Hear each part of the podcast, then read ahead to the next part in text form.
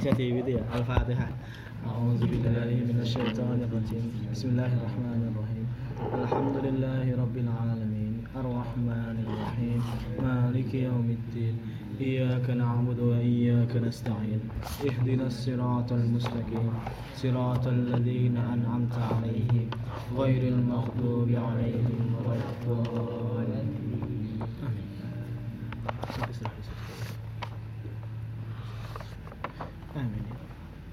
Kemarin sudah terakhir tekan ini Isra Mi'raj ya, ya? Terakhir Isra Mi'raj. Nah, kita masuk ke bayat akobah pertama. Ada dua hal yang perlu tak jelaskan sebelum bayat akobah. Eh, tentang bayat, tentang malam ini. Yang pertama tentang bayat akobah ini nanti ceritanya tentang bagaimana orang-orang Yastrib ini berbayat pada kanjeng Nabi. Orang-orang Yastrib itu orang-orang Madinah. Nah, kita aku perlu menjelaskan kehanannya orang Madinah. Nah, sebelum itu, jadi teman-teman perlu mengenal dulu, perlu mengenal bahasa ndaki-ndaki geopolitik gitu, atau mengenal eh, kondisi geografis gitu. Karena dalam dalam ilmu geografi, saya karena aku ben kita kuliah geografi loh. Kita ya, cerita- tahu cerita ya, bahwa kondisi geografis suatu wilayah itu akan menentukan sifat orangnya dan sifat sikap orangnya. Aku tahu ceritanya.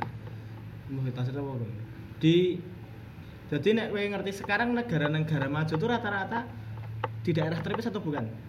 Bukan. Bukan.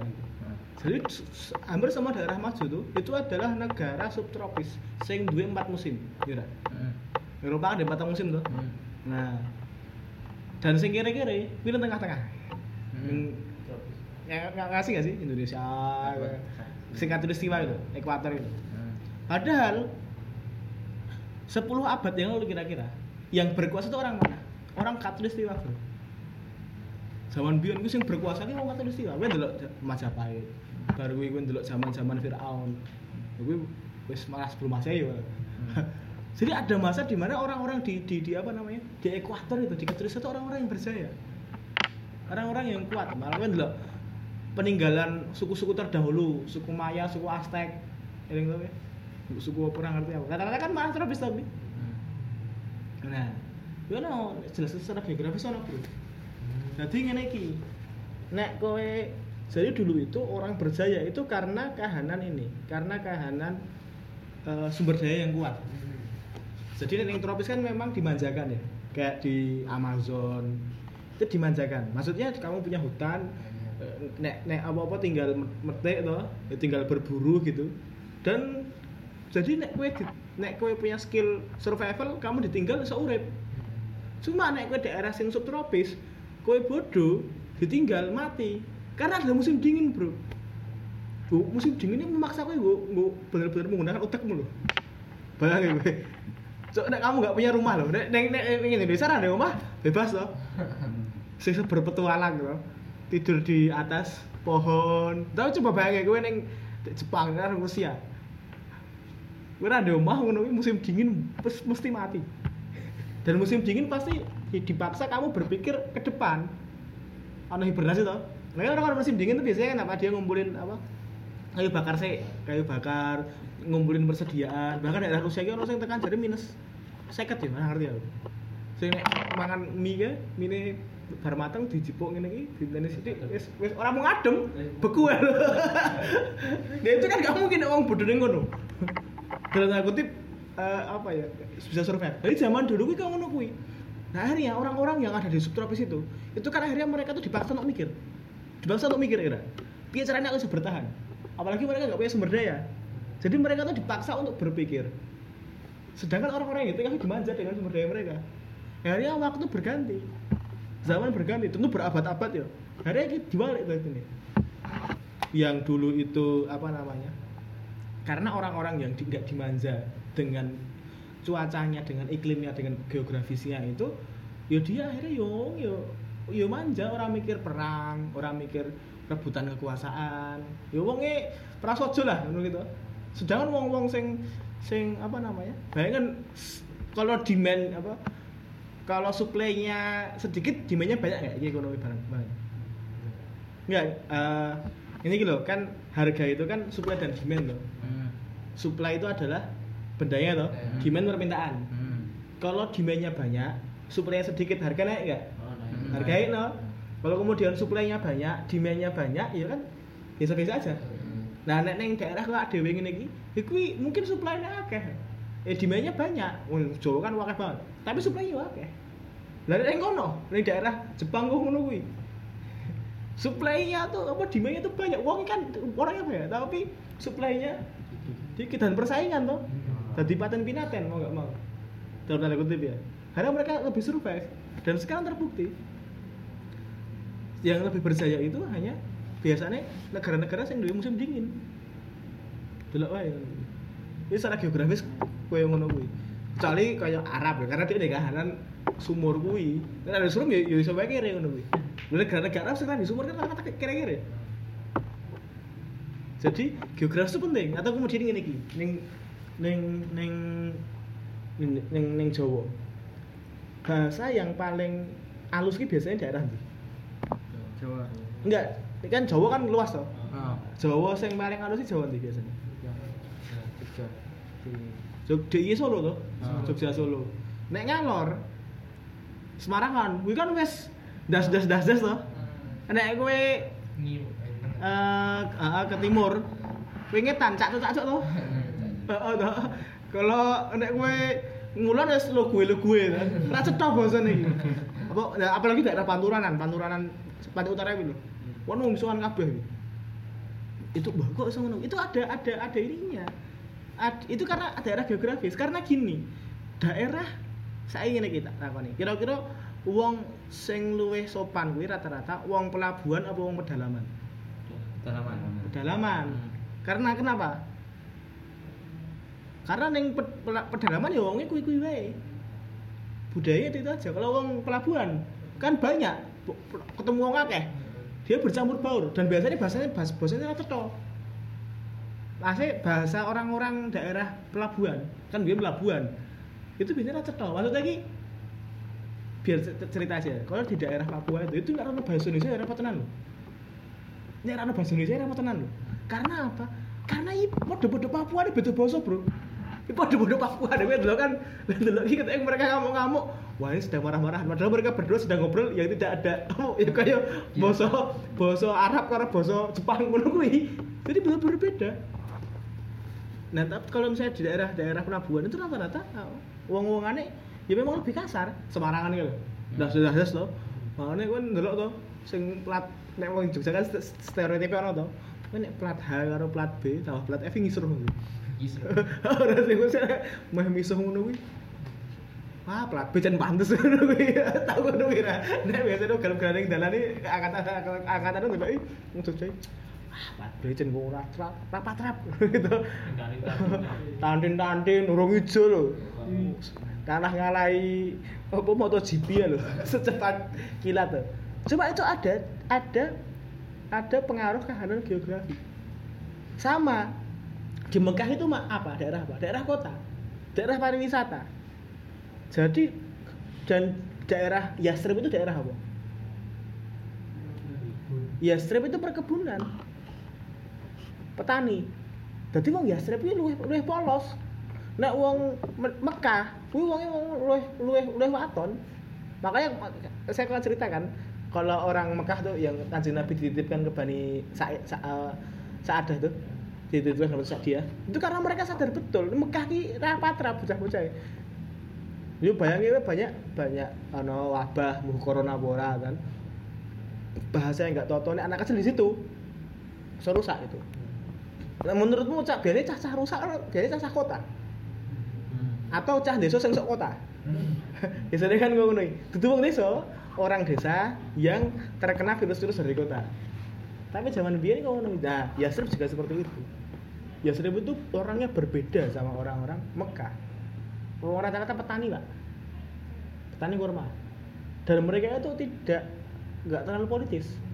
Walaupun di Yastrib ini Madinah kuwi, itu ada dua ras besar dan dua besar yaitu itu itu suku itu rasnya adalah wong Arab karo wong Yahudi wong Yahudi sekolah di sekolah sekolah Syam eling to dari Syam dia dari Palestina wi ngidul karena mereka di dalam kitab mereka dikatakan bahwa sosok itu nabi di daerah Arab kuwi, di Madinah.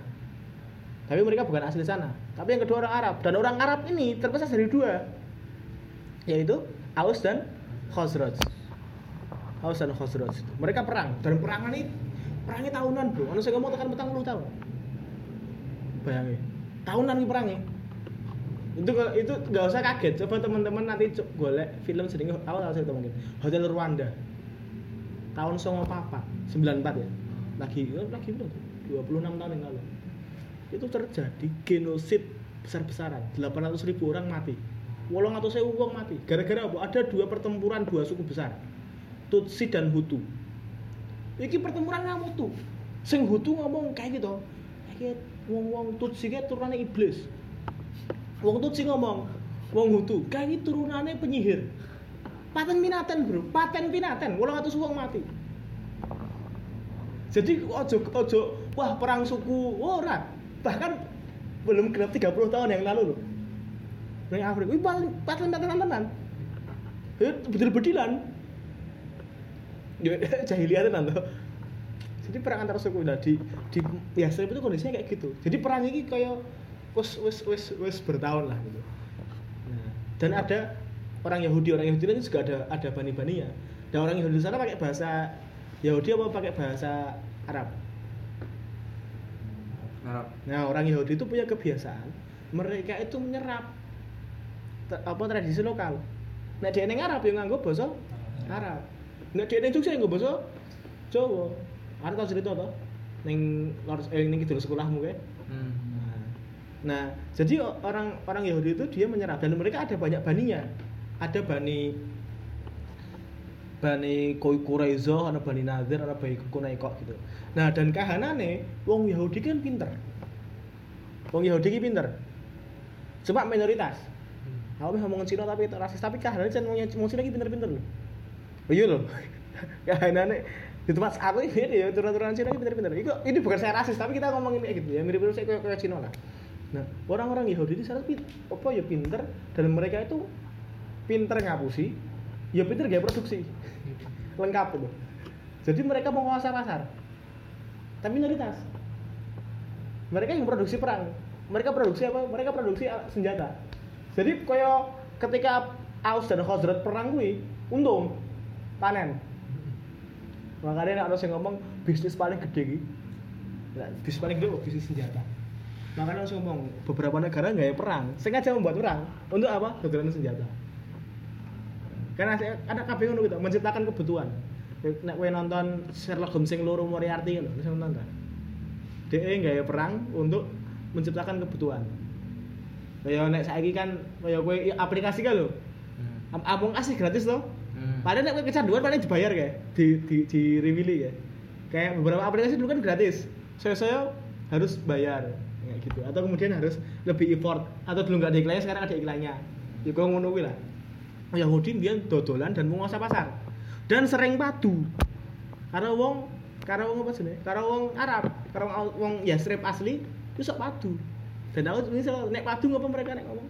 Nek padu karena jadi pas ini Yahudi itu punya power secara ekonomi, murah nih power secara uang. Nah, Aus Khazraj kuwi the power secara uang-uangane, tapi secara ekonomi ora. Jadi iki serba salah iki. Hmm. Jadi aku ngantemi Hasan, mung dia bayari aku, Bro. Tapi bayi gitu. Jadi mau nggak mau ini, ini hubungan yang yang sing bayi itu. Nah, makanya saya cerita kan, pas tahun ke-11 nubuah itu ada enam orang dari Khazraj yang haji. Dan ketemu jeng Nabi. Itu, itu sebelum Isra tuh. enam orang itu kemudian ketemu jeng Nabi dan akhirnya ketemu jeng Nabi tuh ngobrol-ngobrol. Jadi itu Nabi itu mendatangi mendatangi ini. Jadi Nabi itu pas eh, setelah Parisnya dia setelah Amul Husni tahun ke 10 itu dari Taif tahun ke 11 itu setiap haji itu muter ke kabilah-kabilah. Jadi biar gini haji gue ojo bayangi kalau saiki bro ojo bayangi ojo bayangi haji ini wakil banget. Biar kan bisa sidik loh jadi nek nek nek nek apa jenenge? Nek nek haji gue ya pak neng haji gue neng daerah Mekah pasti ada tenda-tenda. Nah Nabi itu dari tenda ke tenda. Nah ketemu sama tendanya orang Khazraj tuh kemudian Nabi ngobrol cerita. Ada mereka ngomong apa? Eh ini sih mungkin orang Yahudi ini kae jadi Nabi membacakan Quran mengatakan bahwa beliau, beliau Nabi dan orang-orang Khazraj ini kayak kelingan karena mereka mereka tuh tahu berita kenabian karena orang-orang Yahudi karena orang Yahudi nek nek wes meh gelut ngono kuwi kaya tak anake bapak gue. Nah, nek wong Yahudi mbiyen nek karo wong Yasrib nek perang nek wis padu ngono kuwi sok to titenono ngono nabi anyar kuwi nek nabi teko rene dhewe tak pateni ngono lho. Dadi kaya kaya cah cilik ya lho. Padu kalah omongan titenono sok nek nabi teko rene. Ah, yo bakal kabeh tak bumi hanguskan. Nah, pas lo kuwi, "Wih, iki nabi deh lho. Jangan sampai kalah sama orang-orang Yahudi nih. Akhirnya mereka berendah masuk Islam. Singkat cerita mereka berendah masuk Islam. Tapi enam orangnya masuk Islam enggak enggak enggak. Ini enam orang ini itu orang-orang utama. Misalnya As'ad bin Zurarah.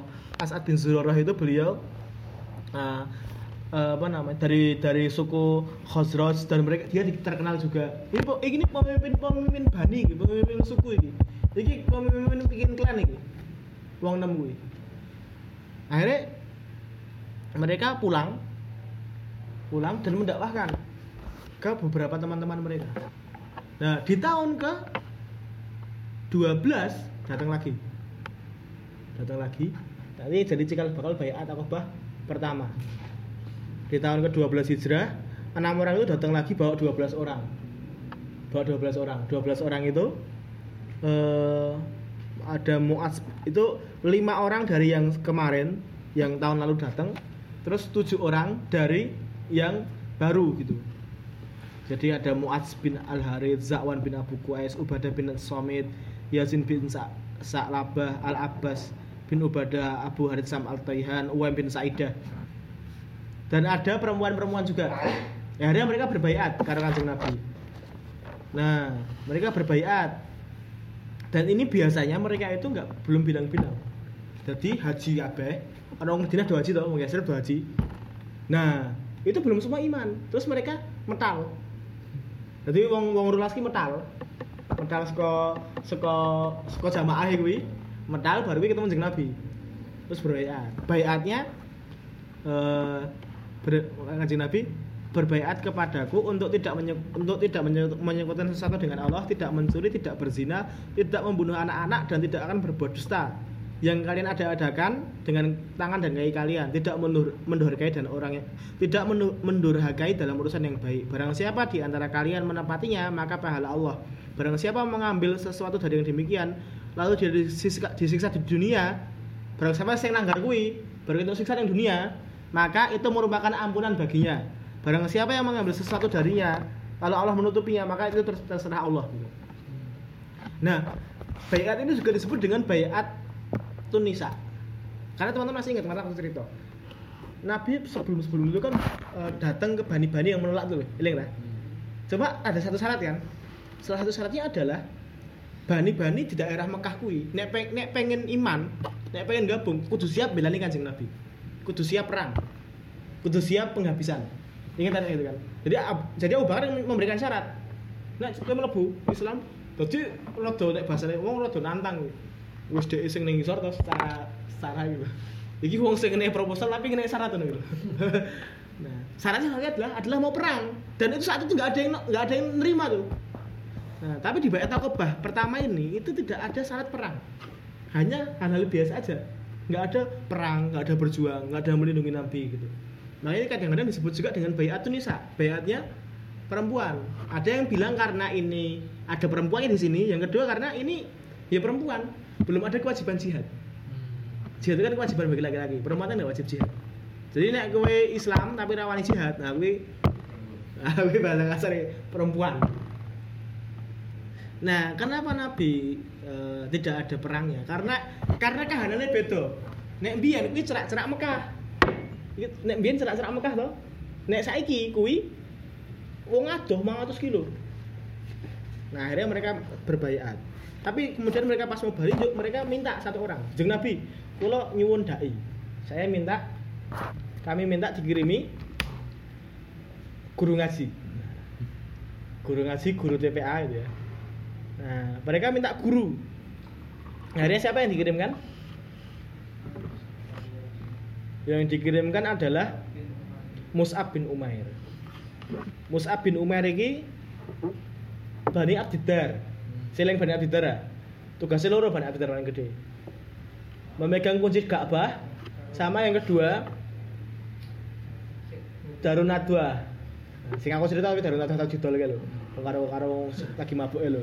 Nah, Mus'ab bin Umar itu anak pemuka anak pemuka apa namanya? Bani Abdiddar. Dia calon jadi bapaknya itu kepala suku. Hmm, Bapaknya kepala suku. Madara bapaknya. Kepala suku Madara atau, siapa? Nah, ini Naruto mati ya. Nah, penting deh.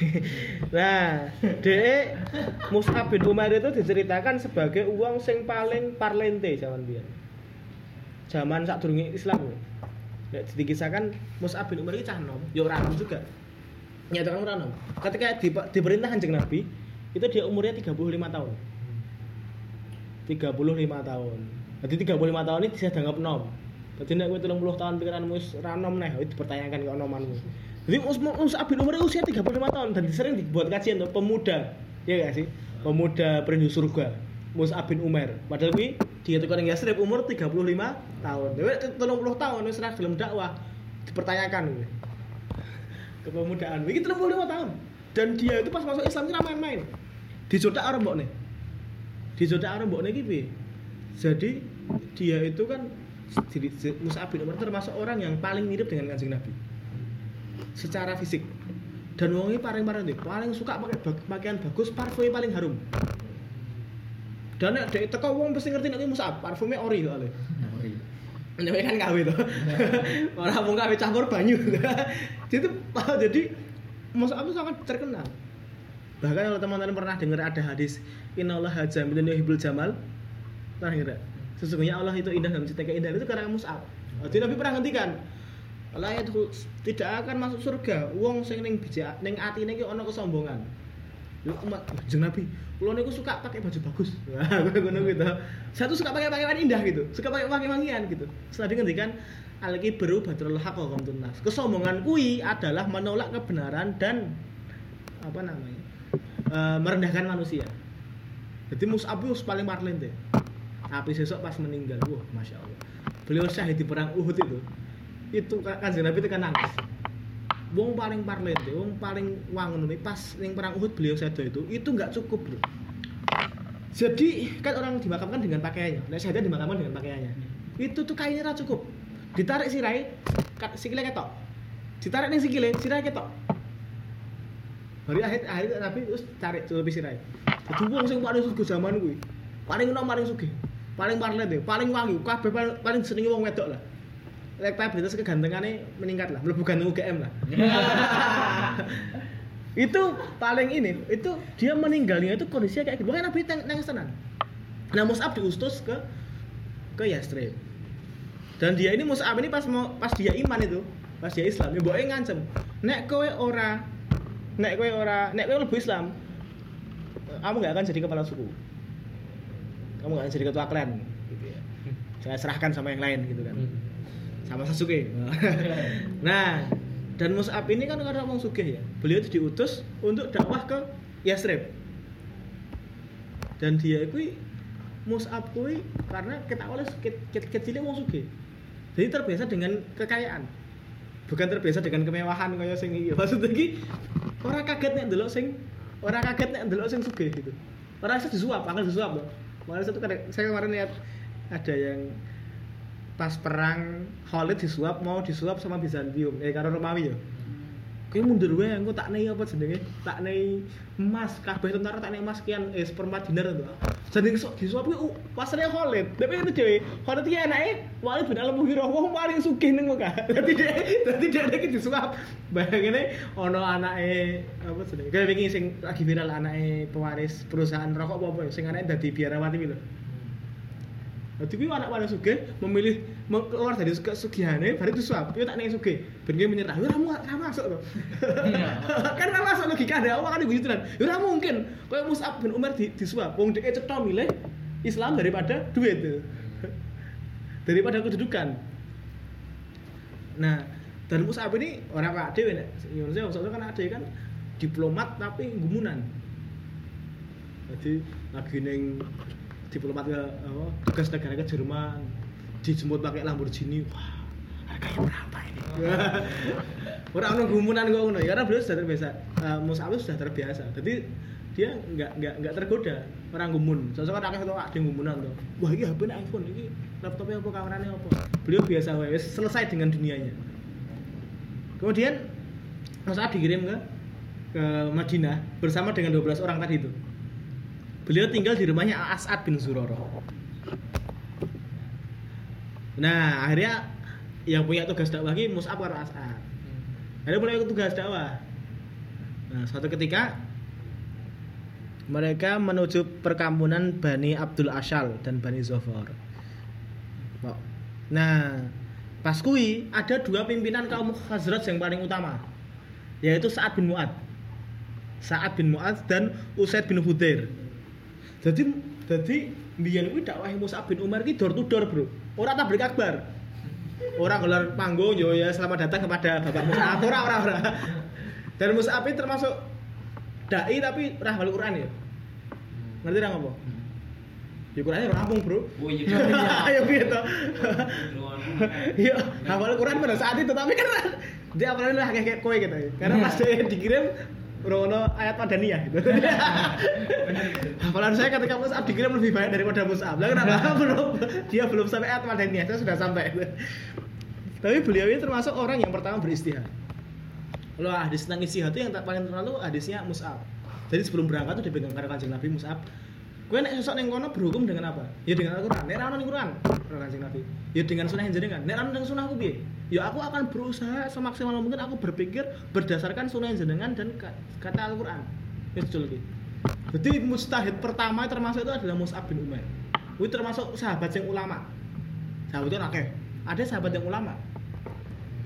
Jadi sahabat itu orang-orang kabeh sahabat itu ulama. Orang sahabat-sahabat yang memang sahabat itu ulama. Jadi rujukan orang-orang rujukan sahabat-sahabat lainnya. Misal kayak yang paling terkenal, paling pinter kan Ali tuh. Nah, tapi beliau gak, gak, terlalu masuk banyak meriwayatkan hadis. Yang paling banyak meriwayatkan hadis siapa? Abu Hurairah, Aisyah gitu. Nah, balik lagi ke sini, Mus'ab itu yo yo termasuk orang pinter. Dan bayangkan, ini dia sudah sudah pernah tinggal di di di, di apa namanya? Dia pernah tinggal di kalangan Bani atas tuh, anak kepala suku. Jadi dia ngerti cara cara komunikasi. Nah, yang dikirim non saya, saya dikirim Bilal ini remuk bos. Loh, nek kita sebagai orang muslim wajib menerima Bilal. Cuma kan masalahnya orang kafir, saya didakwahi. Jadi mereka lihat Bilal pasti nge- ngenyek itu. Atau kemudian Abdullah bin Mas'ud. Abdullah bin Mas'ud itu yang biasa atau Amr bin Yasir. Tapi yang dikirim ki Mus'ab dan Mus'ab itu memang sudah terlatih. Ya betul toh, Bro. Wong sing sak cilik-cilik ning kampung karo wong sing ning keraton. Luwih pinter komunikasi sing ndi? Ning keraton toh. Jadi beda. Bukan berarti kemudian jeng Nabi ma, ma, ma- apa tidak menganggap sahabat lain utama, tidak. Bahkan nek aku tahu cerita, mana cerita. Bahkan Bilal kuwi nek nggo wong Islam kuwi wajib dihormati. Suatu ketika Abu Dzar Al-Ghifari percocang melek ning Bilal. Ya Ibnu Sauda. Ya wahai budak orang hitam. Mana Bilal kan dari Habasyah toh. Hitam toh. Ya Ibnu Sauda. Nek saiki bahasane ya niga. Saiki sing niga. ya. Ning ngarepe Kanjeng Nabi. Kanjeng Nabi krungu. Apa kata Kanjeng Nabi? Ya Abu Zar kok ketoke ning kowe iki sing ana bekas bekas bekas kejahilan. Langsung Abu Zar itu langsung bilang Abu Zar langsung minta maaf dan dia langsung sujud ning ngarepe Bilal. Idak sirahku. Nek kowe ora idak sirahku aku ora bakal tangi. Idak sirahku, aku ridho mbok idak sirahku. Berarti nek biyo ngomong biyen ora ono ego, kowe kan ora mungkin to. Kamu can can budak ira ngono. Kan mesti ngono kuwi. Tapi Abu Zar itu langsung tandanya tuh Nabi itu sangat menghargai itu. Tapi kan oh kafir iso. Logikanya kan iso. Nah, karena ini yang dikira seorang orang kafir ayat diuturnya Musa bin Umar tadi. Ada dua pentelan nih, Sa'ad bin Mu'ad dan Usaid bin Hudair. Nah, Mus'ab bin Umar dakwah dari pintu ke pintu, dari bani ke bani. Biasanya ngajak, jadi biasanya kayak, kayak, forum, baru ngomong. Jadi teko ning bani kono tuh, dia ngobrol, Pak, iki ngene ngene iki, Pak. Proposal kayak sales kan. Sales Islam tapi. Nah, sales ngono. Nah, kemudian saat bin Mu'ad ki karo Usaid iki piye menurutmu? Nah, ya kita ingin suruh sih. Ada saat ngekon. Saat bin Mu'ad ki masih pemimpin Bani Al Ashal sing isih musyrik. Jadi kono mereka tuh mendengar A- As'ad bin Zulora sama Mus'ab teko. Kemudian saat mau Ustaz, wis parani ki wong loro kae. Kayak marai kayak dia ini meng, meng- apa meng, membodoh-bodohkan kaum ade karo nganggap lemah. Gak kisruh. Parani deh. Wah, mbok pisu bi- kan hardik lah hasilnya bahasanya pisu lah. Bahasa Jawa nih ya. Hardik wis kayak mbok pisu pen ben ora marani kamunya adene. Karena dia sedang nanti di berkamungnya si saat tuh. Oke, saat mangkat. Mangkat itu gue tombak langsung. Langsung gue tombak si siapa jenenge si iki lagi ini si siapa namanya? Tapi saat itu asa- saat gak lihat jadi kampungan perkampungan tuh. Nah akhirnya usah datang si Musa bin Umar sama Asad lagi dakwah ngajar gitu nah langsung teko gue tombak wih jancok kon. Mau mas mau kene ngopo? Ojo gak seru ning kene metu kok kene nek bahasa Jogja KTP di bos? Ngono gitu. Rasa gak seru ning Jogja. Ngono gitu kita anti demo anarkis ya, misalnya padahal dia sing anarkis loh Wah, gue tombak. Apa? Nah, nek juga ada piye? Gemecer toh. Apa kata Mus'ab bin Umar? Disalah, dia datang ngadeg disalami. Assalamualaikum. Ngene, Bos. Eh, bisa duduk sebentar nggak? Ngene wae. Eh mending jenengan mending ngrungokne apa sing tak omongke. Nek misal apik ditam ditampa ya ora apa-apa. Nek misal elek, aku bakal balik. Adil, adil, ya.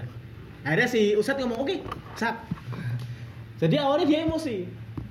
Bisa tidak rembukan, dia ya karena kan iki yo. Dia mas pemimpin juga itu wong goblok ya. Bukan bukan pemimpin ormas ya. Ya saya kan angel. Jadi tanda orang yang goblok dalam tanda kutip. Ini sih, nah, kalau tanda kutip jangan mau goblok. Mau goblok itu harus sejak dialog. Maksudmu apa? Cek Pak, nego cek Pak, ayo Pak, bukan sih. Ora iso. Ora mungkin saiki, ora mungkin saiki nego. Ora iso. Nah, itu tanda-tanda ra iso mikir. Pokoknya nek wis main otot, wis tanda-tanda mau goblok. Mas angel, angel tuh kane ngono kuwi. Tapi Ustaz masih agak waras. Akhirnya dia duduk, Musab lanjut ngomong maca Quran. Ustaz. Lalu Ustaz wis ngamuk. Wis ngamuk baru bilang, "Uh, bener juga." Terus ini nek caranya mlebu Islam piye caranya? Karena ngrungokne Quran, ngrungokne Musab. Nah, akhirnya membaca akhirnya dia sing awalnya cemburu langsung senyum toh. Caranya mlebu Islam piye? Langsung Musab Musab, Musab ngomong, "Ya carane kamu mandi dulu, kamu mandi dulu, kemudian datang mandi membersihkan pakaian, nanti baca syahadat terus sholat. Oke, ayo Ustaz itu langsung saat itu juga.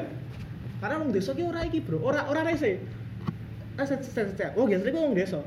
Ego ini kira gede. Beda sama orang Mekah ya. Orang Mekah tuh banyak yang sudah iman. Wong-wong kaya apa sedangnya? Walid bin Mughirah, Utbah bin wis aslinya wis iman. Wong apa?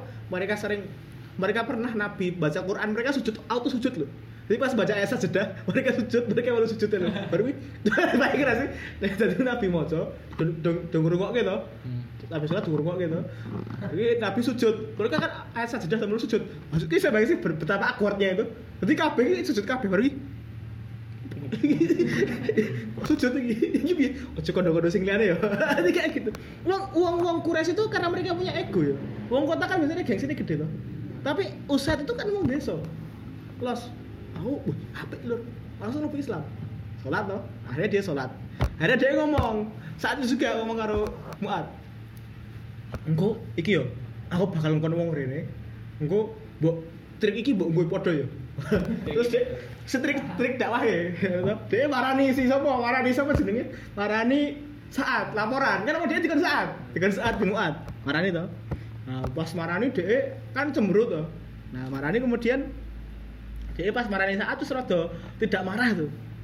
Nah terus kayak bareng apa ya nah itu demi Allah aku tidak melihat dua orang itu mempunyai kekuatan aku sudah melarangnya namun keduanya justru berkata kami akan melakukan apa yang kami sukai gitu. Jadi bahasa kasarnya yo mau tak parani bro. Hasilnya mungkin ngomong cupu-cupu. Aku selarangnya tapi ngomong mereka ngomong sak karepku to gitu. Nah, tidak lagi panas marah si saat. Saat yang panas loh saya emosi tuh tak ngomong Oh, dia padha go pedangnya. Maksudmu apa? Ya padha kuwi. Sik, Pak, lingga sik, Pak. Nanti kalau saya ngomongnya baik, diterima atau tidak ya ditolak. tuh. Jadi aslinya iki si si Uset ki ora derese gak rapi koncone to. Nah, bari kan nah aslinya dia gak rapi koncone. Jadi dia iki ngapus ya aslinya. Apa ngomong ning saat iki manas-manas itu. Ben saat iki emosi warnane rono. Akhirnya saat juga beriman. Saat kodok. Tapi kan saatnya lebih lebih tinggi posisinya di di Khazraj itu dan itu dia lagi neng balai pertemuan lagi neng serbaguna. Gitu.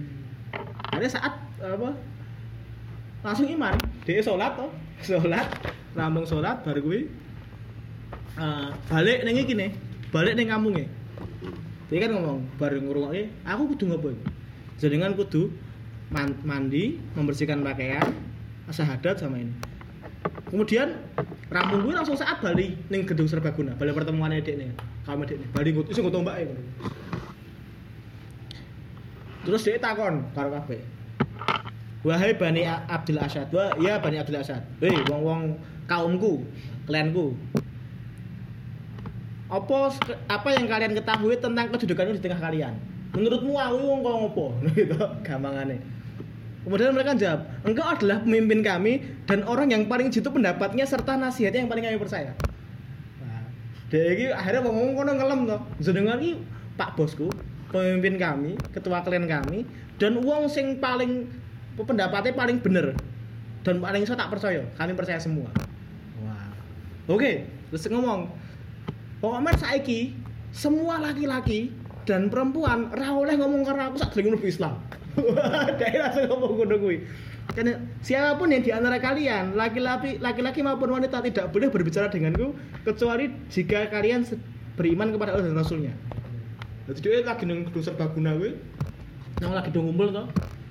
Kowe kabeh ora oleh ngomong karo aku. Aku pemimpinmu to. Nek kowe rong iman karo Gusti Allah karo Kanjeng Nabi. Auto iman kabeh. Langsung semua mereka kemudian beriman kecuali satu orang. Nah, ini ini bisa bayangin sih. Nabi itu selama 13 tahun di Mekah itu itu hanya itu hanya 150 orang. Iki langsung auto sakbani loh. Ini Nabi kan sangat kabar gembira kan. Akhirnya dakwahnya Mus'ab bin Umar dan didampingi As'ad bin Zurarah ini kemudian terdengar semua Yasrib. Jadi wong-wong kabeh wis setiap rumah tuh nggak ada nggak pernah dengar nama kanjeng Nabi. Mas Mus'ab bin Umar pahalanya gede tenan. Nah, kemudian tadi kan tahun ke-12 dak ke- ke-12 apa namanya? Eh Baitul Aqabah tahun ke-12 Nubuah. Tahun ke-13 Nubuah itu kemudian mereka haji lagi, Mus'ab bin Umar lapor ke kanjeng Nabi. Dan mem- dan mereka haji itu. Nah, tap, dan mereka haji itu mereka itu bawa ini, bawa apa namanya? Orang-orang Yasrib datang dan mau berbaiat lagi. Berbaiat ber-70 kira nanti di sini 73 orang. Jadi Nabi kemudian apa namanya? Nabi kemudian ketemu sama Mus'ab untuk laporan dan ini mereka ini orang-orang mau ketemu kan penjenengan. Karena orang-orang ini penasaran, Bro. Wis bayangin sih. Ini udah ngono udah ngono WA, udah ngono Facebook, udah ngono medsos tuh ya. Mereka itu apa kemu- kemudian pasti kan mereka diceritain tentang kanjeng Nabi. Tapi pengen tak ketemu kanjeng Nabi. Jadi mereka tuh sudah kerinduan karo kanjeng Nabi. Uh, kanjeng Nabi sih ngomong apa tuh? Ya gue nak ceritani Pak Harto atau Pak Karno kan pengen ketemu tuh. Lah iki pemain Nabi loh. Jadi mereka ki, wah iki Nabi yang sing bener tenan. Mereka pengen bertemu kanjeng Nabi ini Pak mau ketemu. Oke. Kita susun pertemuannya.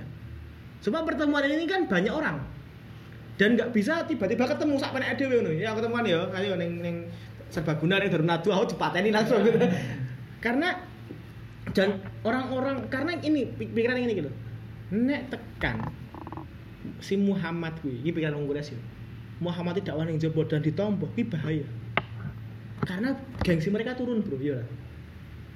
Paham ya? Jadi kalau sampai ada orang Mekah yang beriman karo Muhammad dan belani Muhammad, itu gengsinya mukul. Bahaya gitu. Dan Muhammad itu iki. Dan iso sarane ngono nanti pada saat sampai mereka nanti mereka ini menitipati nih. Jadi ini berbahaya ini. Bayat ini berbahaya. Dan orang-orang yang iman itu itu nggak tahu.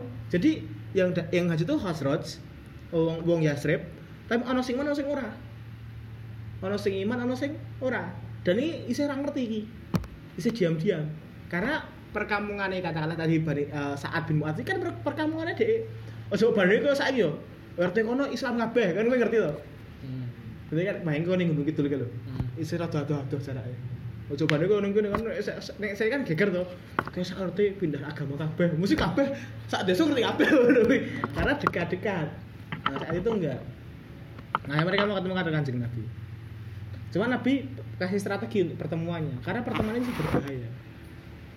Nah, Nabi nyating. Jadi kan mereka itu haji itu kan tanggal 9 10 ya. Terus tanggal 11 itu tasyrik loh. Hmm. 12 13. Nah, 11 12 itu masih masih banyak kegiatan. Nabi kemudian itu pertemuannya itu di tendanya orang-orang Madinah, eh orang-orang Yastrib di tanggal 13. Tanggal 13 itu adalah tanggal tanggal yang paling penak karena pas kui kui ki masa-masa packing. Jadi pertemuan itu gak dicurigai. Nah pertemuan dicurigai bocor itu bahaya kui konsekuensinya keamanan Nabi, Nabi itu langsung dipateni dan sebagainya. Dan itu belum hijrah ya, belum hijrah ke Madinah. Nah, akhirnya Nabi itu kemudian tanggal 13 hij- eh, Zulqa'dah haji, eh, haji kan 9 10. 11 12 itu masih sibuk-sibuk. Nah, tanggal 13 Nabi setting karena ini masa packing, jadi ada pertemuan kan iso oh paling kayak DE lagi perencanaan pulang. Entah, lagi kemudian ya kan eh, pramuka-pramuka kan lho. Nek pas ana pramuka nggak kegiatan kumpul-kumpul, ana sing tau PDT ra sih? Lah, kira tau ana sing PDT. Jadi nek pas PDT kan petang dino atau PDT to. Nek kowe acara kumpul-kumpul hari kedua, hari ketiga kan dipertanyakan iki kumpul-kumpul apa. Nek hari keempat weh balik kan oh iki lagi siap-siap bali. Nah, Nabi dan itu di sepertiga yang kedua. Jadi malam itu kan ada tiga ya, sepertiga pertama, sepertiga kedua, sepertiga ke- ketiga. Yo gampangnya tengah malam, jam 11 tekan jam 1 ngono. Tengah-tengah malam. Karena nek awal-awal wis do tangi, nek sing terakhir kuwi, kuwi wis do wis wis wis do tangi. Wis do karo wis do tangi. Nah, akhirnya dan itu Nabi hanya bersama tiga orang. Tiga orang itu adalah siapa? Eh, mantu calon mantu Nabi Ali bin Abu Thalib, sahabat terbaik Nabi. Abu Bakar yang ketiga, Pak Le Nabi yang menjadi penggantinya Abu Thalib. Yang mengganti pengganti eh, Abu Thalib sebagai ketua Bani Hashim. Yaitu namanya Abbas bin Abdul Muthalib. Nanti kalau teman-teman beliau punya anak namanya Abdullah bin Abbas yang terkenal banget jadi Ibnu Abbas dulu. Tapi saat itu Abdul Abbas itu adalah pemimpinan Bani Hashim. Bukan sebagai orang muslim. Saat itu dia belum iman. Abbas itu belum iman. Abbas bin Abdul Muthalib itu Yesus yang kecekel yang perang Badar itu kecekel. Di, di kalangan orang kafir beliau kecekel. Jadi Abbas bin Abdul Muthalib itu belum iman. Tapi dia adalah penggantinya Abu Thalib. Cuma powernya nggak sebesar Abu Thalib. Nah, bertemu 73 orang, dua orang wanita dan dua orang wanita. Ini ketemu nih orang wanita dan mereka. Karena kan aku cerita kok, wong-wong Yastrib sing do teko kuwi ora kabeh iman. Jadi mereka delik ngono kuwi. Ning daerah sing jenenge Akobah. Karena kok jenenge Akobah kuwi ya ngono kuwi, karena di Bukit Akobah ya salahnya. Nah, akhirnya kemudian mereka itu berbayat. Cerita bayatnya rada unik. Mereka dialog, sing ngawali pertama ki Abbas. Jadi Ali sama Abu Bakar ikut nggak? Nggak, mereka di luar. Mereka jaga di luar.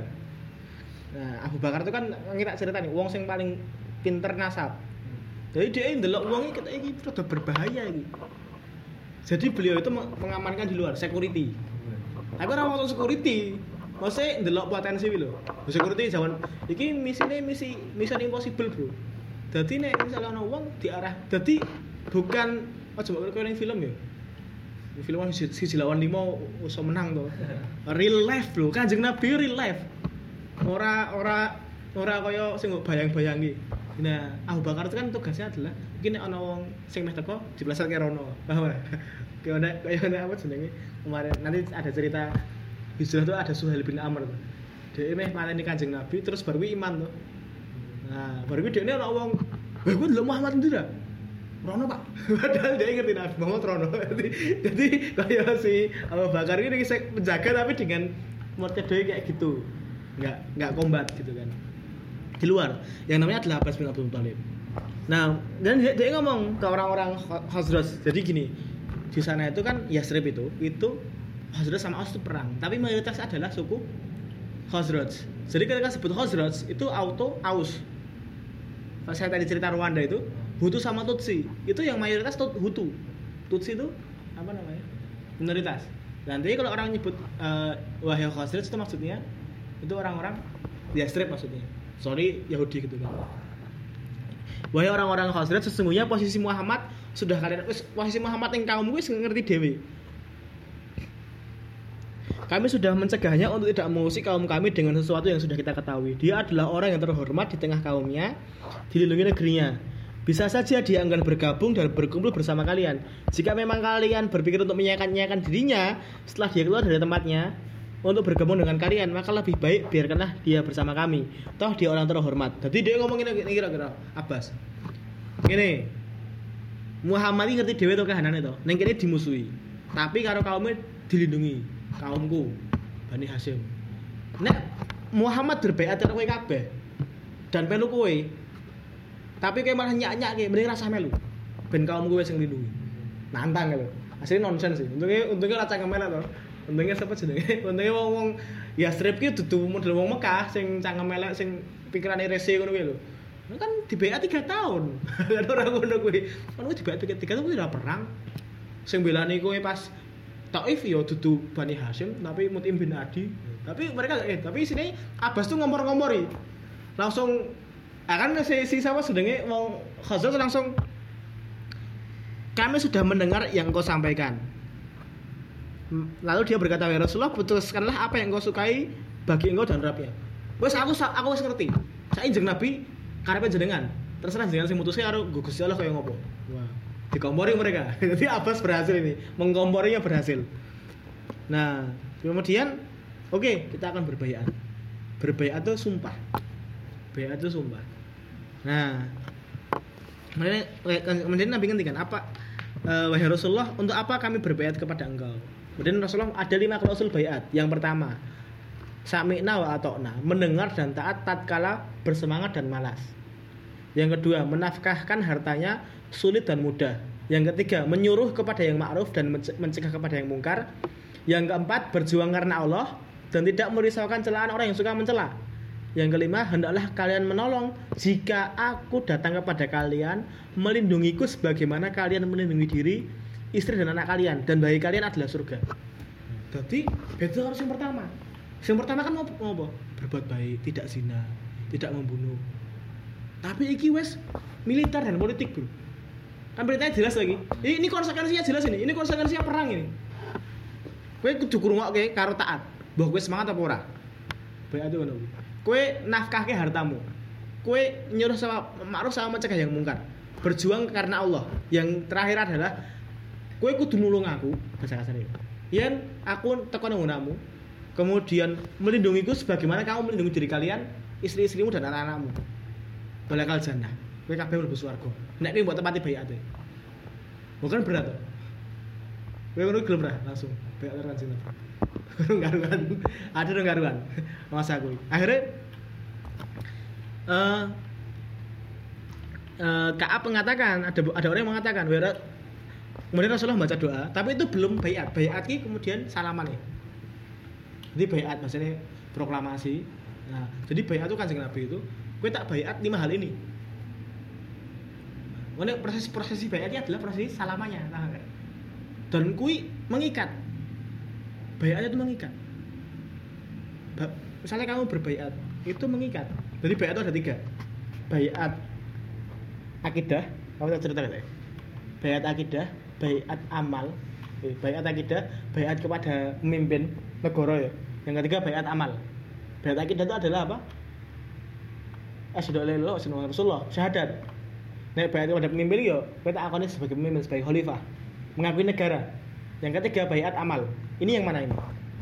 Ini bayat apa? Amal. Bayat amal. Boleh nggak kita kemudian buat bayat amal? Ivan dia berbayat kepadaku.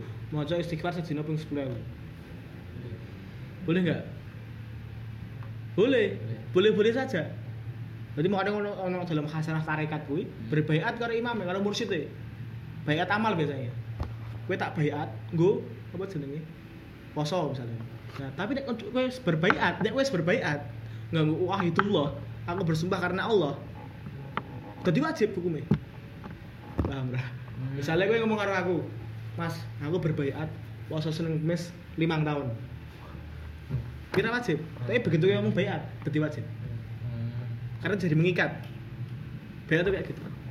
Sing sunah sudah diwajib nek berbaiat baiat amal tuh kayak gitu. Dan mereka berbaiat amal. Dan bagi oh, dan mereka itu uang uang koyak dewe sing gampang ngecu jadi mereka kalau bersumpah gue sumpah tenan. Ora ora ora kok waton ngomong oke sap. Ada kan saya kan gampang tau siap siap. Tapi buh makan apa ora? Buh toko apa ora? Buh tenan apa ora? Nek zaman biyen kuwi tenanan. Lembok kira ki ngopo kok wong wong kures kira gelem iman? Karena mereka tahu konsekuensi iman. Jadi mereka tuh bersumpah gitu tenanan. Nyebutin insya Allah kita tenanan. Orang kok dewe ada kan insya Allah kan bener semua ngelak tuh. Lah kan insya Allah Bahkan gue, saya kan beda, jadi saya mau ngomong insya Allah gampang. Nek zaman biyen gue ya, insya Allah kita tenanan, getih tenan. Adi kan, insya Allah kan bisa ben iso penyak dalam tanda kutip penyalahan Gusti Allah. Insya Allah. Nah kan insya Allah aku turun sih. Insya Allah, lah aku juga mbakku sih. Itu, itu, itu bahaya. Ada levelnya, rasa bayangin lah. Levelnya ada ini mas, bayaran sama wal sumur satu. Saat ini bumi lah, ada gitu gitu bumi gue. Tapi mereka tuh baik itu dengan tenanan. Maka dari itu mereka juga kritis karena konsekuensinya tenanan tuh. Nah, kemudian ada Al Barok bin Ma'rur. Benar, demi uh, demi yang mengutus engkau dengan benar. Kami benar-benar akan melindungi engkau sebagaimana melindungi istri-istri kami. Maka bayatlah kami, wahai Rasulullah. Jadi kan bener. Wes, aku dibayat we. Demi Allah kami adalah orang-orang yang mahir dalam perang dan mengepung musuh. Kami mewarisi sejak dahulu. Jadi wes semangat Al Barok. Wes percaya karo dhewe. Ak dhewe iki pandai perang dan wis terbiasa perang. Dipotong sama Abu Haitsam. Sek lur. Jadi Al lagi ngomong semangat-semangat ini, sek lur. Ya Rasulullah, sesungguhnya antara kami dan orang selain kami, mesti antara kami dan Yahudi itu ada hubungan persahabatan. Persekutuan. Jika kami memutuskan hubungan itu dengan mereka, apakah apakah ada kemungkinan jika Allah sudah memenangkan engkau lalu engkau pergi meninggalkan mereka? Maksudnya ini Abu Haitham kira daweti jeng Nabi. Aku nek aku beat karo jenengan. Sesuk nek misalnya jenengan menang ning Medina ning Yasrib iki. Terus jenengan bali piye? Engko adire sapa apa meneh? Kalau kan itu rasional gak? Rasional gak? Kayak gitu. Sangat rasional kan? Apa kata jawab Nabi? Dan Nabi tersenyum. Nabi jawab, darah dengan darah, kebinasaan dengan kebinasaan. Aku adalah bagian dari kalian dan kalian adalah bagian dari diriku. Aku akan memerangi siapa pun yang memerangi kalian dan aku akan berdamai dengan siapa pun yang berdamai dengan kalian. Ulang dari siap Dan itu terbukti. Nabi pas saat Fatuh Mekah itu, saat saat Fat, Fatuh Mekah itu, Nabi bahkan berdoa loh. Ya Allah matikan aku di Medina dalam sebuah riwayat. Saking sa, saking apa namanya? Saking beliau itu ingin memenuhi janjinya. Beliau udah janji sama orang-orang sama orang-orang apa namanya? Orang-orang Yastrib itu kemudian belani ngono. Makanya Nabi itu memang 10 tahunnya itu di apa namanya? Hanya 10 tahun di Medina. Cuma itu sangat berarti. Jadi Mekah itu Mekah itu memang lebih utama 100 ribu sholat tapi para sahabat para, para, para rabi dan sahabat lebih memilih di mana? Di Medina pernah nggak ada kekuasaan di Mekah? Semua khalifah Rasidin mata khalifah itu? Nggak ada. Di Medina Madinah kemudian pindah ke Baghdad ke Kufah. Nabi itu menjaga sumpah itu. Kemudian setelah ada penetapan hasil baikat mereka kemudian berjabat tangan jadi kabeh sisi kemudian jabat tangan Oke, udah sepakat ya. Sepakat kabeh jabatan siji-siji. Ada kemudian di, di sini tuliskan As'ad bin Zurarah rada ragu ngono kuwi. Nah, As'ad bin Zurarah rada ragu karena posisinya dia apa? Dia ini posisinya adalah penelane wong kono. Karena dia sing tanggung jawab. Dia rada ragu karena iki paijo paijone iki tenan ora ya gitu. Terus sing ngomong, "Wahai sa uh, uh, wahai As'ad demi Allah, oh kowe bayat langsung kowe. Demi Allah, kami semua ini nggak akan meninggalkanmu. Nggak akan meninggalkan bayat ini dan tidak akan membatalkannya. Jadi Asad itu ragu itu bukan karena dia ragu terhadap bayat itu. Dia ragu terhadap teman-temannya loh. Tenang orang ini akhirnya dia mantap dan salaman. Nah salaman kecuali ada dua orang perempuan ya. Karena memang Nabi nggak pernah menyentuh yang mahram gitu. Yang bukan mahram. Akhirnya setelah bayat kemudian oke selesai bayat kemudian Nabi bilang ayo sekarang silahkan tunjuklah 12 orang di antara kalian untuk menjadi pemimpin bagi kaumnya dan bertanggung jawab terhadap mereka. Jadi Nabi kemudian milih, tolong pilih wong rolas jadi perwakilan. Gue ngurusi kaum di Yastrib. Karena ini misinya masih jadi misi gede ki. Misinya awalnya mau ngomong berdakwah, saya ini misinya di misi militer dan negara iki. Bayat aku pertama kan eh bayat ya bayat Tunisia loh. Orang tekan perang, saya kan perang. Betul lebih di, diorganisir. Karena mereka milih memimpin 12 orang. 12 orang, 9 orang dari Aus dan 3 dari Aus. Kanjeng Nabi itu asli sangat demokratis. Nabi orang nunjuk kowe, kowe, kowe, kowe dadi pemimpin. Ora. Wis dirembuk, wis dirembuk ya. Kowe dipilih wong rolas sing bakal tanggung jawab. Kan iso weto Nabi. Kowe kowe kowe kowe pae sewa sewa sewa. Ah, ciro lupat mau nem pitu kaya guru water ngapain lho. Mimpin. Nah, kayak gitu. Ada mereka rembukan, ada 12 orang, ada kan namanya. Yang jelas tadi ada As- As As'ad bin Suroro. Dan As'ad bin Suroro ini dia auto dari pemuka agama. Karena dia yang ngancani Mus'ab. Dia jadi auto. Auto jadi pemimpin tuh. Kemudian yang Nabi 12 orang itu dibayar secara khusus. Jadi Nabi ngendikan kalian adalah orang-orang bertanggung jawab terhadap pemuka kaum kalian dan keadaan mereka sebagaimana yang dilakukan Hawariyun terhadap Isa bin Maryam. Aku adalah orang yang bertanggung jawab terhadap kaumku. Jadi kowe kabeh wong rolas ki yo sing tanggung jawab ning kaum-kaummu dan kowe sing ngurusi sesuk. Nek ana apa ngomong karo aku dan anggap kowe iki kaya Hawariyun. Hawariyun iki apa? Pengikutnya Nabi Isa. Bisa. Bisa. Nek sing dadi iki saya dadi sing kayak Barnabas sudah nek ngo- tradisinya iki tradisinya apa sih? Tradisinya orang-orang Nasrani sing nulis Injil lho, Hawariyun. Nah, gitu. Nah, kemudian terjadi proses eh, wis rampung ba- bubar, kemudian jebule ana wong siji. Kan ning kono kan apa? Padang pasir ya bukit dan bukit iki watu siji lho, Mas. Tahu sih? Bukit istilah bukit di Arab itu sudah bukit kaya bukit Teletabis atau bukit ning Jogja sing dikeruk ning gunung-gunung ning godean. Jadi bukit istilahnya tuh ya biasanya watu siji. Watu siji gede banget tuh. Paham nggak kira-kira? Kayak nek ning kowe ning watu apa? La, ah, ning langgaran lho. Ya sini watu siji tuh gede tuh. Nah itu bukitnya kok ngono kuwi. Ana wong kafir ndelok. Nah akhirnya kemudian orang kafir ini ini mulai bocor. Mulai bocor, wong kuwi padu, akhirnya wong dhewe melayu ning ketemu karo kaum-kaume. Kuwi Pak, aku mau delok Muhammad tuh. Karo wong-wong Yasrib do kumpul. Piye iki? Bahaya bahaya iki. Wes ade marani Yasrib wong-wong Yasrib. Nah, dan waktu sebelum tiga orang ini akhirnya mereka kembali ke tenda. Dan orang yang yang delok sing ngonangi iki ora ngerti wong-wong kan ya ora apal to. Ora apal lho orang kamera. Terus saya kan wis tua kayak tak tak video ngono gitu. Ora.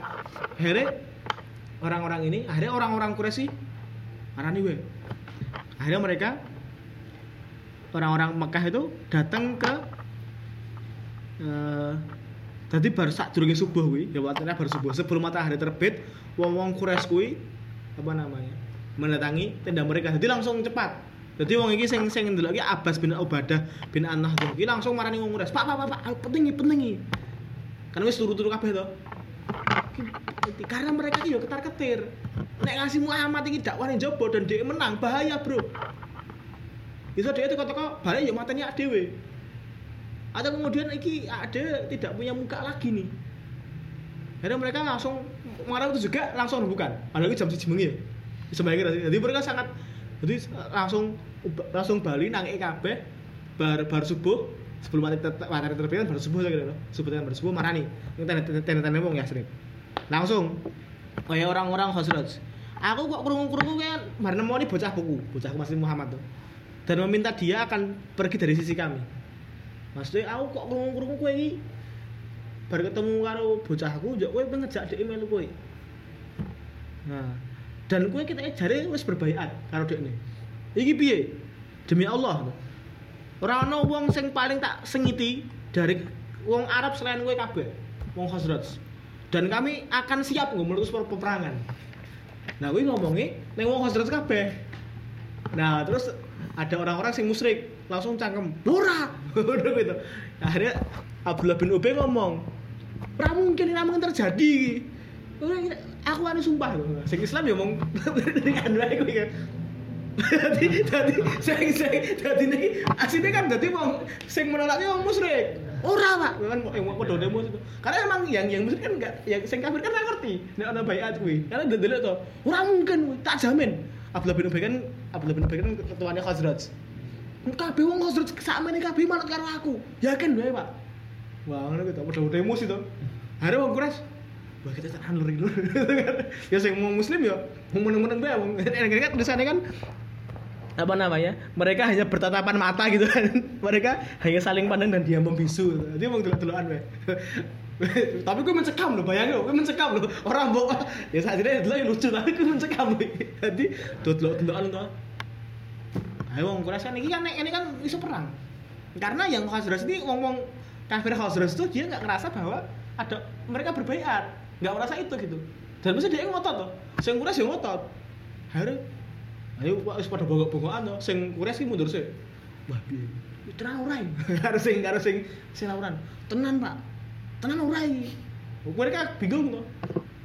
Wes piye iki? Ketok iki kampus iki ya. Wes piye? Akhirnya mereka bener-bener bingung kuwi. Akhirnya orang-orang ya sering pulang. Ada satu orang yang kecekel. Ono saat bin Ubadah. Akhirnya mereka karena kebingungan terus biasa ngomong bingungi, kan tadi ngomong bingungi, ono apa apa ya diajar ono gitu. Saat bin Ubadah kecekel langsung diajar. Diajar tuh kan, ya tekan mati kan kuwi. Akhirnya dia dibebaskan sama Mut'im bin Adi. Masih ingat Mut'im bin Adi itu adalah orang yang membebaskan Masih, masih ingat nggak pemboikotan? Mut'im bin Adi sama Al Haris juga itu kan dia membebaskan ini. Akhirnya tadi itu peristiwa itu disebut dengan bayat akobah kedua atau bayat akobah kubro. Dan kuwi dadi apa namanya awal untuk hijrah. Dan teman-teman kudu ngerti. Saya tuh karena ini maulid ya. Saya tuh sering apa wong ansor itu wong sing kudu mbok cintai. Karena mereka itu mencintai kanjeng Nabi lebih dari siapa pun. Nek muhajirin sing tekono, sing teko 157 orang. Wong ansor iki kabeh sak sak sak sak kota kuwi. Kuwi hampir iman karo kanjeng Nabi. Dan imannya kurang main-main, Bro. Pasti iki mereka dapat apa tuh? Ketika nanti mereka akan akan menerima orang-orang muhajirin ya. Diterima Israel. Kuwi kuwi dinae kabeh. Dinae apa? Omah. Bahkan ditawari bojo. Dan 73 orang itu nanti yang yang tadi itu, bayat Aqabah kedua itu semua ikut perang Badar. Tenanan orang mau cangkeman tok. Maka perang Badar kabeh. Dan saat makanya aku paling sedih tuh, nek, uh, ada yang sok selawatan ya. Misalnya selawatan ki ono satu lirik, biasanya pas mahalul qiyam di akhir itu ada marhaban. Marhaban ahlan wa sahlan ya Nuru aini ya Zaidul Husaini pernah denger gak? Tahu tahu kurung tuh? Ya itu aku sangat aku aku mesti nangis kurung kuwi. Karena apa? Ketika orang-orang apa jenenge Ansor itu, Kanjeng Nabi teko. Kan eh tolak al badru alaina. Ingat ya? Mereka nyanyikan itu. Dan Nabi teko mereka langsung apa? Marhaban ya Rasulullah. Selamat datang ya Rasulullah. Iki kabeh sak kota tak nehkin jenengan. Iki kabeh sak kota tak apa jenenge? Tak tak limahke jenengan, jenengan kelola. Kula manut kalian jenengan. Dadi level marhaban ahlan wa sahlan itu tenanan. Orang mau selamat datang ora, marhaban ahlan wa sahlan kuwi. Selamat datang wahai Nabi, selamat datang ke kami itu. Itu mereka nyerahi kabeh. Nah, ada kan selawatan kan mau marhaban, wah, selamat datang Nabi, tapi kuno asli siap mati. Orang mau siap mati, siap menahi kabeh.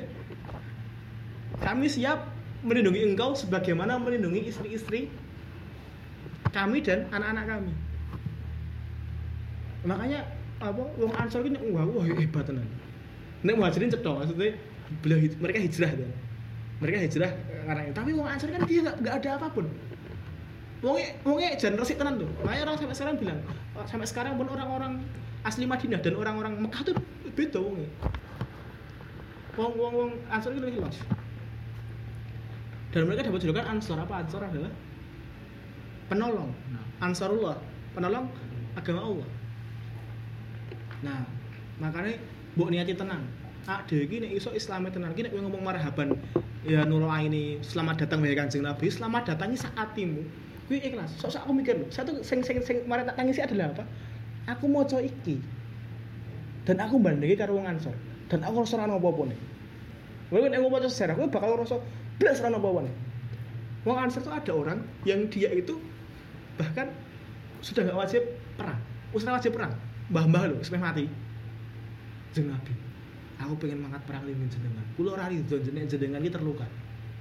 Mbah jenengan wis tuwa Mbah. Mboten jenengan mboten wajib. Ah mboten kanjeng Nabi. Kula tetep mangkat perang. Ngene iki jenengan mboten wajib. Pun kula niku mangkat perang tapi kula mboten melu perange kula bagian logistik ning mburi. Oke ra apa-apa. Bahkan pas perang Badar itu itu banyak orang nangis karena apa? Saya ceritakan nanti bisa saya, saya cerita. Perang Badar itu orang-orang Ansor tuh nggak tahu kalau itu akan ter- terjadi perang. Mereka nggak tahu akan jadi perang. Ngerti ini emang begal wae dalam tanda kutip ya. Begitu perang itu langsung mereka nangis. Duh nabi. Lu ngapunten tenan iki. Kula mboten ngertos niki perang. Sok pokoknya janji bakal kita melu gitu. Nah adek kan seneng loh. Wah menang. Aku ora melu tapi temen menang. Lah adek kan mau melu seneng dok dia tuh jihad men menang itu mereka sangat sedih karena mereka tidak berpartisipasi. Jadi salah satu contoh bagaimana mencintai kanjeng Nabi yang paling konkret itu menurutku salah sini wong Ansor. Dan ini terakhir cerita ini suatu ketika ini di, di Fatuh Mekah. Di Fatuh Mekah itu. Penaklukan Mekah ya? Penaklukan Mekah. Nah Nabi itu kan di Mekah itu Nabi dulu, dulu di dekat Ka'bah. Dan semuanya itu apa kan dapat ghanimah banyak tuh dibagi-bagi Wong Mekah sing Islam anyaran dine 100 on 100 domba, 1000 domba kok ngono kuwi. 400 domba. Wong Ansor sing wong Ansor sing wong Madinah kuwi, wong Ansor Ansor kuwi. Yo, mereka kan sing ana sing senior-senior yo biasa wae. Wong sing nom-nom. Kok Ivan aku ngene gitu. Nabi Isra. Nabi ki wis ngene. Nabi kuwi wis bakal lali dhewe. Delok ya Nabi ki seneng ngene. Wis sing nom-nom. Dudu sing dudu sing dudu sing cah cilik-cilik koyo koyo eh eh, sing nom dudu sing tua-tua yo. Dudu sing senior-senior, dudu sing kaliber-kaliber Sa'ad bin Mu'ad. Dudu dudu sing ngono, sing cah nom-nom ajaran Islam. Nabi ki lali padahal ak dhewe sing nomo Kanjeng Nabi, ak dhewe sing apa jenenge?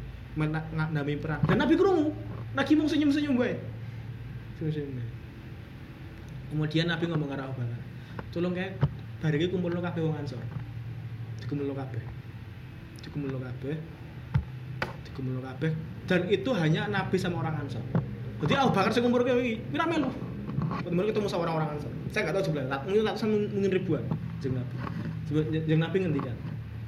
Tadi saya dengar ada yang ngendikan begini begini begini. Langsung sing senior salah saat saat bin Mu'adz. Mboten kan Nabi niku mung cacah cilik-cilik sing goblok-goblok gitu. Oke, itu cuma cah kami nggak kayak gitu nang jeng Nabi. Jeng Nabi ngendikan. Demi Allah. Apa? Ketika kalau kalian mengatakan bahwa ah, Muhammad kuwi pas zaman ra ono sing nampa akde sing nampa ra ono sing ngancani perang ak akde sing ngancani perang ra ono sing bantu apa ra ono sing ra ono sing bantu aku sing bantu. Kanjeng Nabi ngendikan aku ridho kowe ngomong kuwi. Terus Nabi ngendikan kowe pilih ndi wong-wong anyaran Islam kae mlebu Islam tak naik domba dan sebagainya sebagainya tapi kowe balik karo aku. Kowe balik untuk kanjeng Nabi kowe balik untuk Rasulullah langsung kabeh do nangis. Wong Ansor ki oh, kabeh dikorbanke? Nabi ngomong kowe iki luwih penting endi? Penting aku? Oh penting untuk oh, untuk harta-harta kayak wong Ansor ngomong apa? Luwih penting. Jeneng. Saya masalahnya hak dia itu yang apa? Yang penting buat pikir juga. Tapi Islam di siap orang selesai lagi kan jeng Nabi yang Perancis tuh lagi dihina. Nah kowe kayak ngopo ngono kowe nek suara. Jadi kowe kudu iso bandingke Islam ada sama Islam amatir tenan. Ora ono apa-apa nih para sahabat. Dan makanya aku ngomong maulid iki dadi momen gue kowe eling-eling meneh karo Kanjeng Nabi bahwa a dhewe syahadat iki asyhadu alla ilaha illallah wa asyhadu rasulullah sepiro. Oke dicekapkan مولاي صل وسلم دائما ابدا على حبيبك خير خلق كلهم. مولاي صل وسلم دائما ابدا على حبيبك خير خلق كلهم. محمد سيد كونين وثقلين. محمد سيد wa saqalan wal fariqaini min urbi wa min ajami. Maulaya salli wa sallim daiman abadan ala habibika khairi khalqi kullihim Maulaya salli wa sallim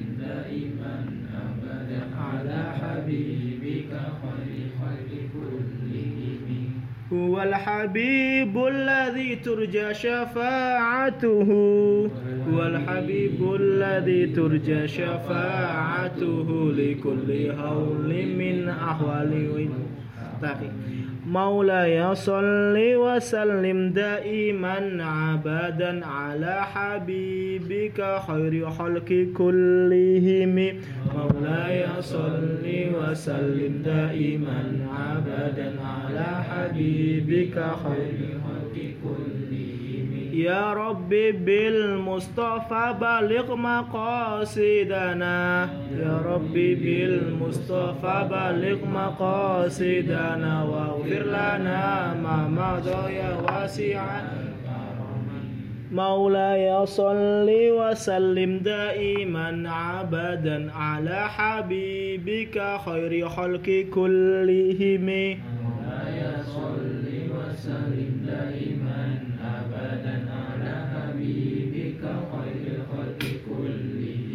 ثم الرضا عن أبي بكر وعن عمر. ثم الرضا عن أبي بكر وعن عمر. وعن علي وعثمان ذي الكرم مولاي صل وسلم دائما عبدا على حبيبك خير خلق كلهم. مولاي صل وسلم دائما ابدا على حبيبك خير خلق كلهم. محمد سيد الكونين وثقلين محمد سيد الكونين والفارقين من عروب من عجم مولاي صل وسلم دائما عبدا على حبيبك خير الخلق كلهم. مولاي صل وسلم دائما عبدا على حبيبك خير الخلق كلهم. هو الحبيب الذي ترجى شفاعته. هو الحبيب شفاعته لكل هول من الأهوال المقتحم. مولاي صل وسلم دائما عبدا على حبيبك خير الخلق كلهم. مولاي صل وسلم دائما عبدا على حبيبك خير الخلق كلهم. مولاي صل وسلم دائما عبدا على حبيبك خير خلق كلهم. مولاي صل وسلم دائما عبدا على حبيبك خير خلق كلهم.